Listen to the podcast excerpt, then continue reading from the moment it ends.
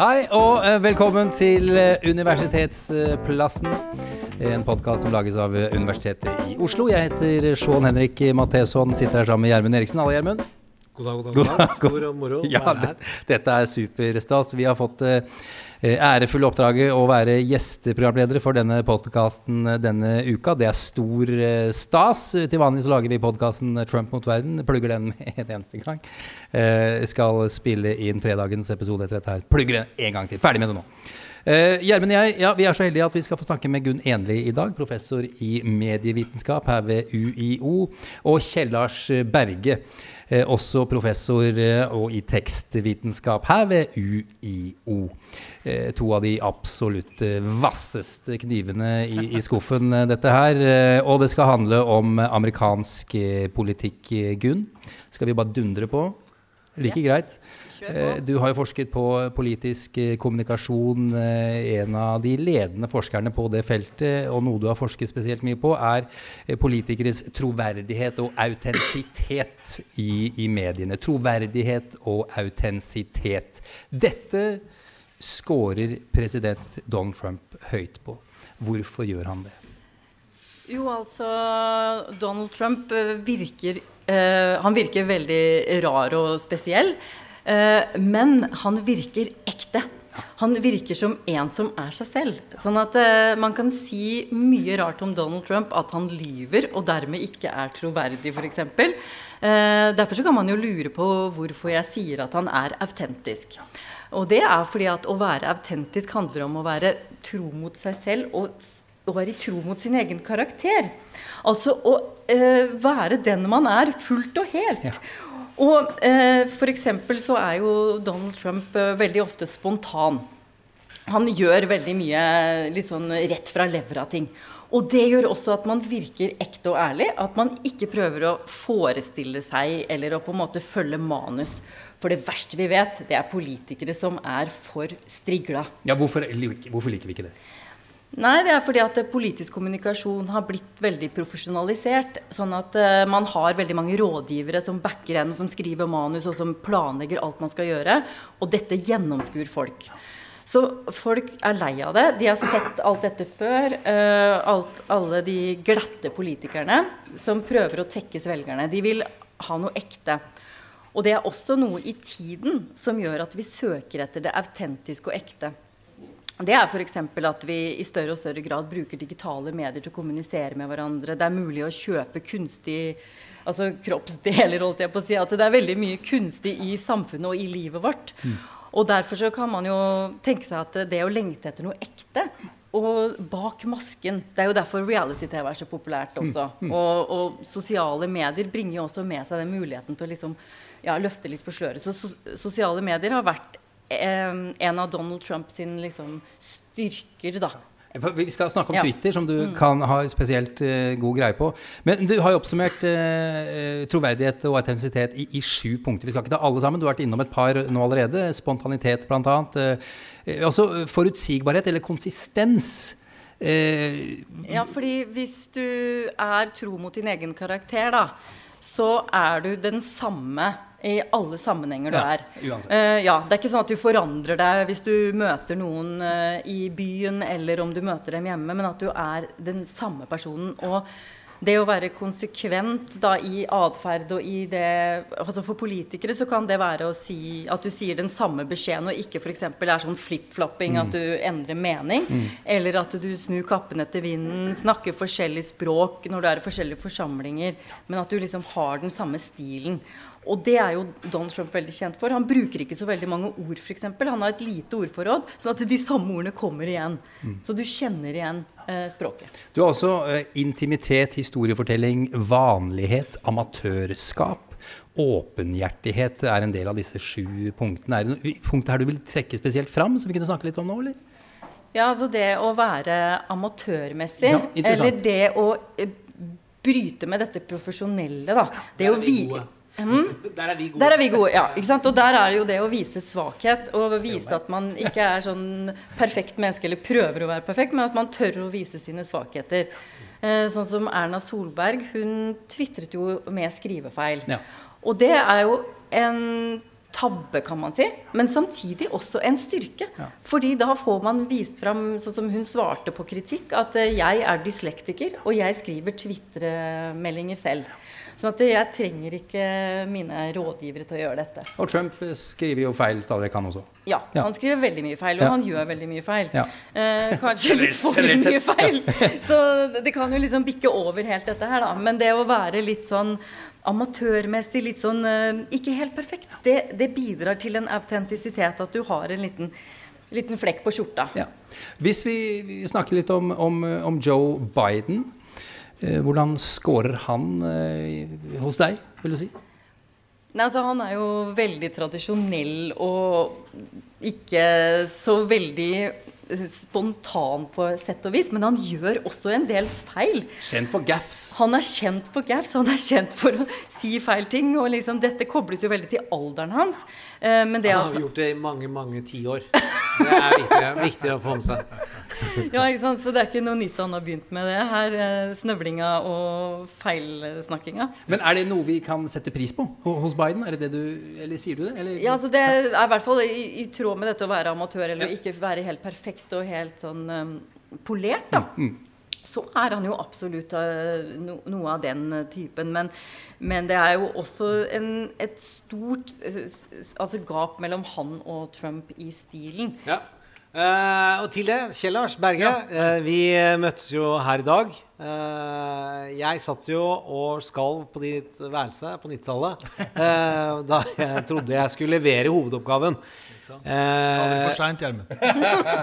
Vær så god. Jeg, kom tilbake. Ja. Men jeg kom aldri i gang, og det føler jeg er din feil. Ja, ok, greit hvor, hvor er det, hvorfor er det Kjell feil? Nei, jeg føler at det er for lite oppfølging av studenter. Ja, ja, ja. Å bonde litt med publikum. Jeg, jeg har gitt opp hjelmen. Du er et eksempel på frafallsstatistikken vår. Ja, eller innfallsstatistikken. Ja. Uh, jeg syns det gikk så bra med deg, Gjermund. Jeg gadd ikke å mase mer. Det er veldig bra. Sånn er Uansett, du eh, kall det tekstvitenskap. Mitt ja. favorittord er jo retorikk. Ja. Eh, det er av alle fag på Blindern eh, det vakreste jeg vet om. Eh, og derfor ønsket jeg sikkert å være i nærheten av det du holdt på med. Mm. Eh, kom ikke i gang. Eh, men eh, du har dratt i gang et studium som nå har 250 studenter innom. I omløp, ja. ja i omløp. Mm. Det syns jeg er kanonmoro og lover godt for framtida. Men til Donald Trump og hans retorikk. Så er det noen som tenker på han som klønete, ugjennomtenkt, usammenhengende. Men han dundra vekk 17 konkurrenter i primærvalgkampen. Mm. Og han fylte stadioner, og det kan dere jo prøve på. Det er litt skummelt å ha 90 studenter her. Men han stiller seg opp foran 10 000-20 000, og han underholder dem.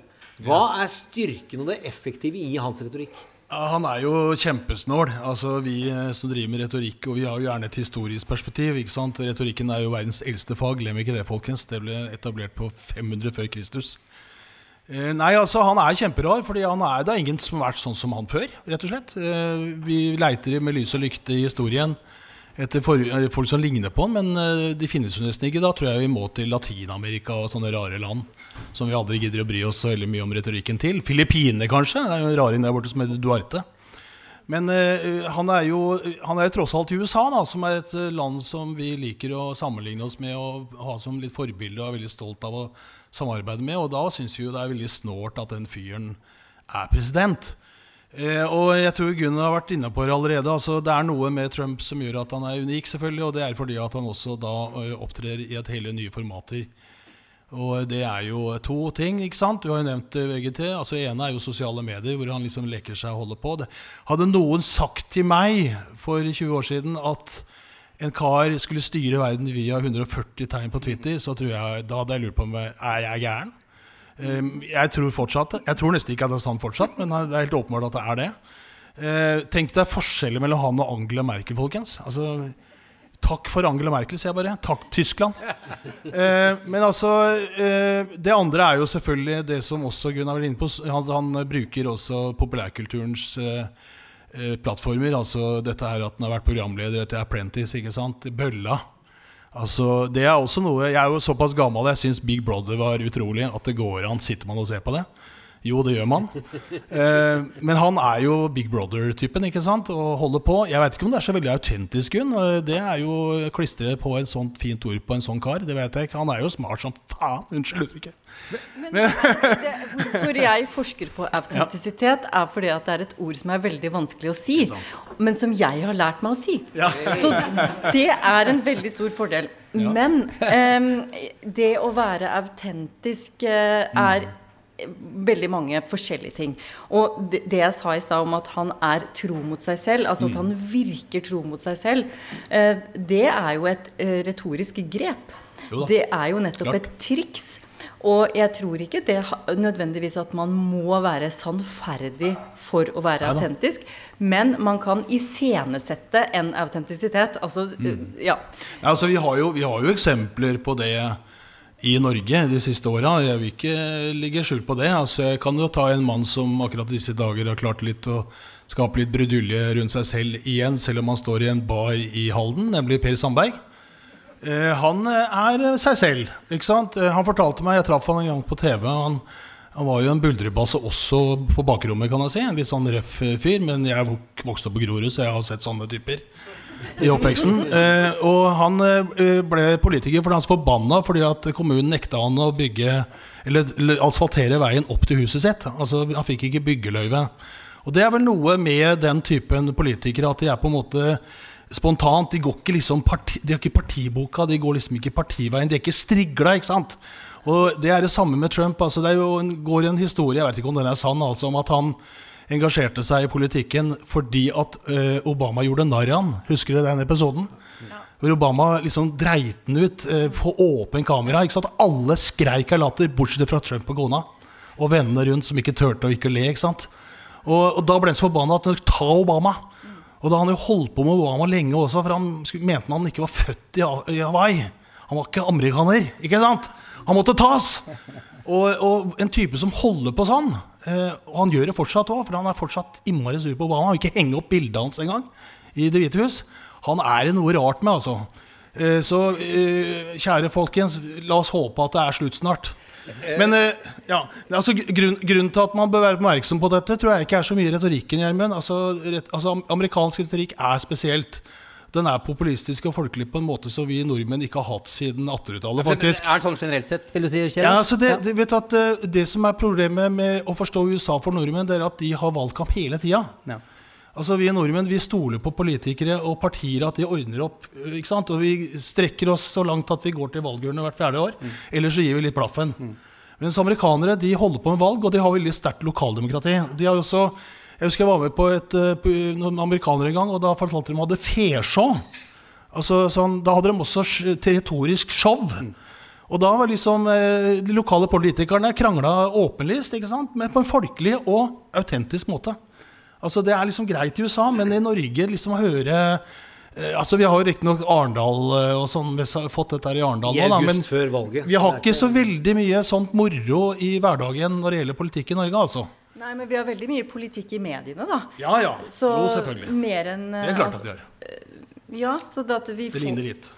Hmm?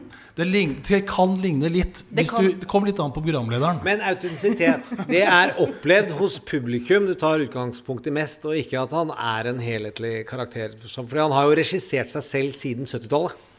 Ja, det stemmer uh, at jeg snakker om det å bli oppfattet som ja. autentisk av velgerne. Og nettopp det er jo hensikten. Sånn at de skal uh, tro på han og stemme på han. og tro at han i hvert fall sier sannheten om det han mener, og står for det han sier. Og ikke ljuger, sånn som de syns jo mange politikere ljuger og sier ting som de ikke holder. ikke sant? Ja. Jeg har bare lyst til å eh, snakke litt mer om, om Twitter, som jeg har vært innom her nå eh, flere ganger. 140 eh, tegn, og at han styrer landet, var det det du sa, Kjell Lars? Gjennom, gjennom, Twitter. Det er vel hans favorittplattform, kan vi vel si, tror jeg, i sosiale medier. Hvordan, hvordan er det han bruker Twitter? Går det an å si noe om det?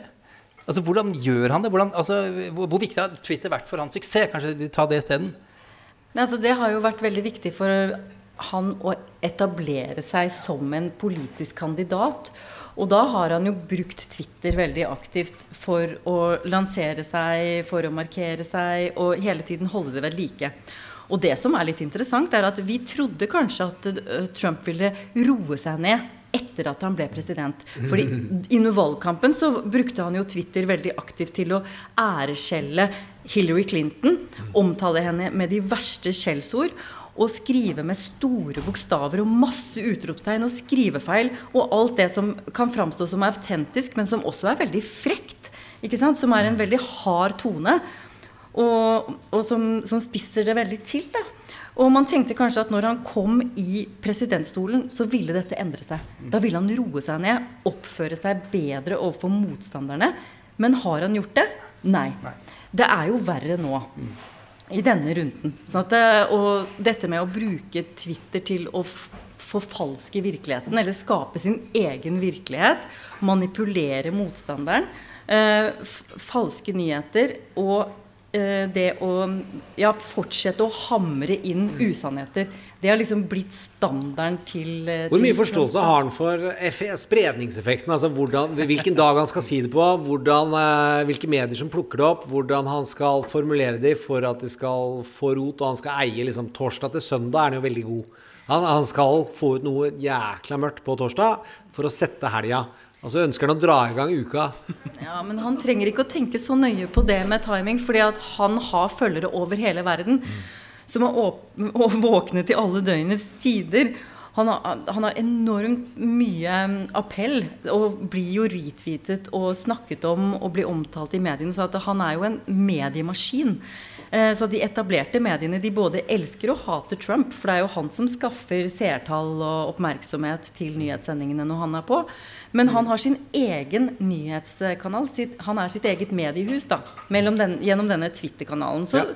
så, så, styrer han på sett og vidt agendaen. Altså Han setter agendaen gjennom sine utspill der. Kjell Lars? Altså, det er jo en veldig stor utfordring her, og det er at han er jo ikke Trump, han er jo presidenten i USA. Altså, han, han, er jo, han, er jo, institusjon, og det er jo der problemet kommer eh, for oss rundt omkring på verden. At eh, embetet, eh, amerikansk presidenten, er uforutsigbar og oppfører seg som en bølle. Altså, bare for å ta et eksempel fra vår kjære naboland Danmark. Da, han var ute her sånn spontant, autentisk, og ville kjøpe Grønland. Kan du huske det? Kjøpe Grønland. Glemmer ikke det. Og så sier han, altså danske statsministeren skulle bort og hilse på ham, og sånn, og sier nei, det kom ikke på tale. Og, og da la Twitter, han ut på Twitter en sånn bilde at han skulle ikke sette opp Trump Tower. Altså Da satte han et Trump Tower midt på Grønland. Og så sa han nei takk, jeg vil ikke ha besøk her likevel. Altså, sånn holder han på. Og Jeg så et intervju med Fredrik Reinfeldt, den tidligere svenske statsministeren. Ingen rabulist, folkens. Høyremann. Eh, moderat.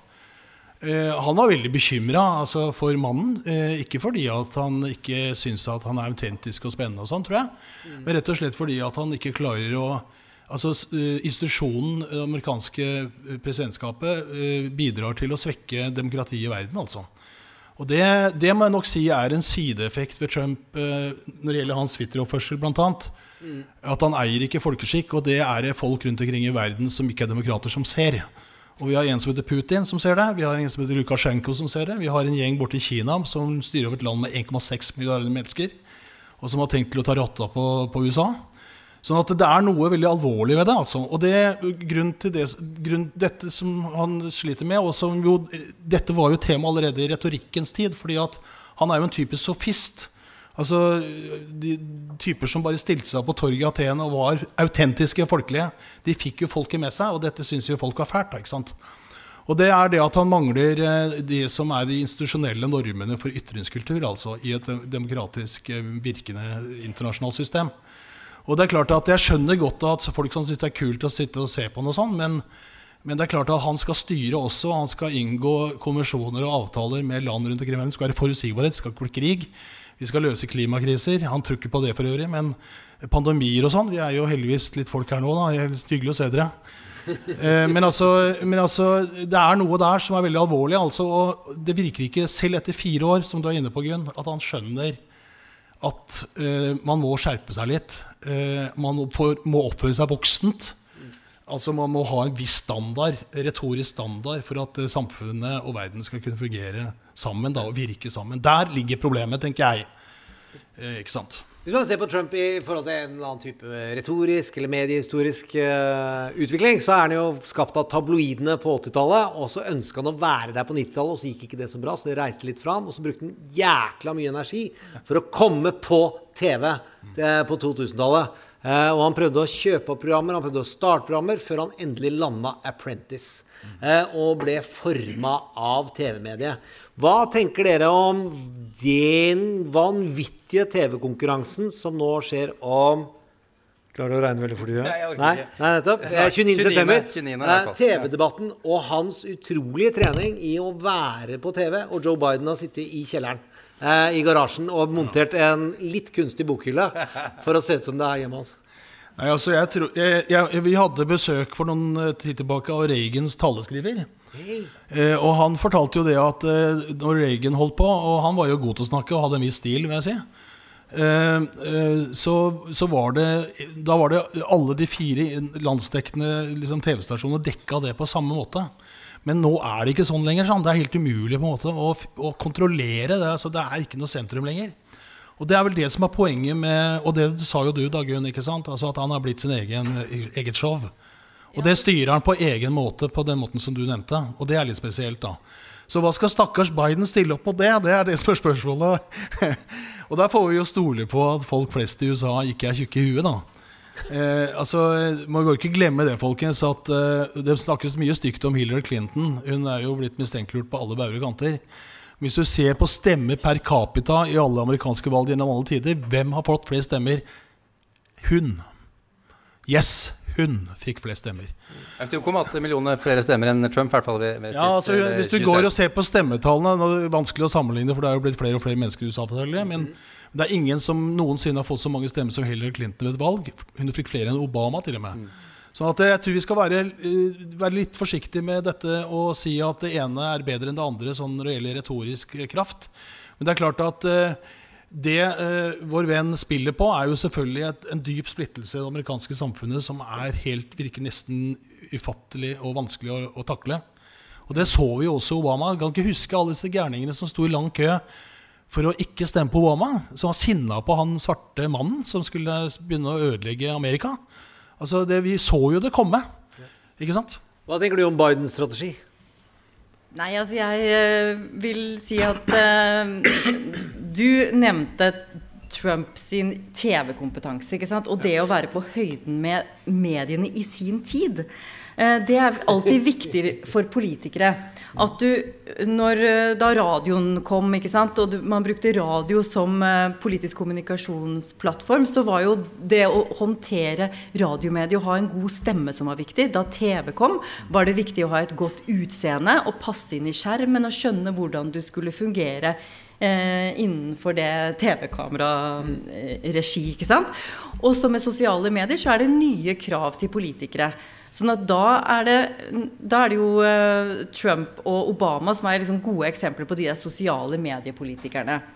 Men så er det jo alltid sånn som Kjellar sier, at vi etterrasjonaliserer. Vi forklarer hvorfor Trump vant etterpå. Jo da, det var fordi han var autentisk, eller fordi han brukte Twitter så bra, eller fordi han var så flink og sånn. Men det kan jo hende Hillary gjorde veldig mye riktig, hun også. Men at hun uh, tapte pga. veldig mange ja, sånn uheldige utslag i, i enkelte stater. Eh, Men det som er interessant med Trumps gjennomslagskraft, det er jo at han ikke hadde noe politisk erfaring. Og at han, han kom med så dårlig kort på hånda, og allikevel kom igjennom. Og det tror jeg er fordi han klarte å bruke mediene i sin tid og bare feie inn og hadde øvd seg opp. Og da er jo, nå er det jo så mye motstand mot eh, Trump at Biden trenger egentlig ikke å gjøre så veldig mye annet enn å sitte stille og ikke, gjøre, ikke dumme seg så altfor mye ut. Fordi at eh, nå er det så polarisert, og nå har eh, kanskje den første sjarmen til Trump, da, hvor han var ny og frisk og annerledes og litt crazy, den appellen er kanskje gått litt uh, bort. Blitt, kan vi jo tenke at den har blitt vasket litt av? La, la oss se hvordan hvordan det går. Altså, der har vi jo hovedstrategen til Obama, som er, en- har en egen podkast som heter eh, Hacks on Tap. Eh, men han snakker, har jo snakka om i et år nå Trump fatigue, som er Bidens største fortrinn. At det, det å være anti-Trump er noe av det viktigste. La oss allikevel leke litt med mørket. Dersom Trump vinner, Hva er det farligste i, han vil gjøre i medieutviklingen, og hva er det farligste han vil gjøre i retorikken? Hvis du begynner. Oi, det er jo at vi vil fortsette denne utviklingen med at uh, USAs president uh, forholder seg til sannheten på en veldig omtrentlig måte. Altså Pent sagt. pent sagt. At han uh, rett og slett bidrar til um, et dårlig um, ytringsklima fordi mm. at han fremmer falske nyheter, fordi at han ikke tror på vitenskap. ikke sant? Det er jo veldig, veldig farlig. Uh, og at han, han, undergraver demokratiet på veldig mange måter. Så vi, da vil jo denne polariseringen og fragmenteringen av, av samfunnet fortsette. og og um, eh, det er jo ikke sånn at det vil slutte dersom Biden vinner heller. Men det har, nok, eh, det har nok en sånn to perioder med Trump. Da blir det, da blir det varig men.